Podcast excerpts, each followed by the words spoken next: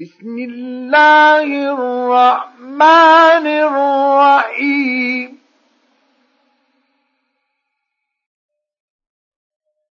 ألم تر كيف فعل ربك بأصحاب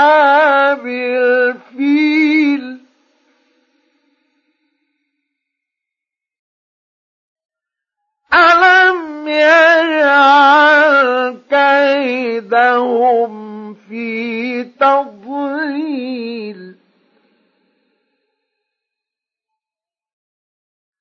وأرسل عليهم طيرا أبابيل ترميهم بإجارة من سجيل فجعلهم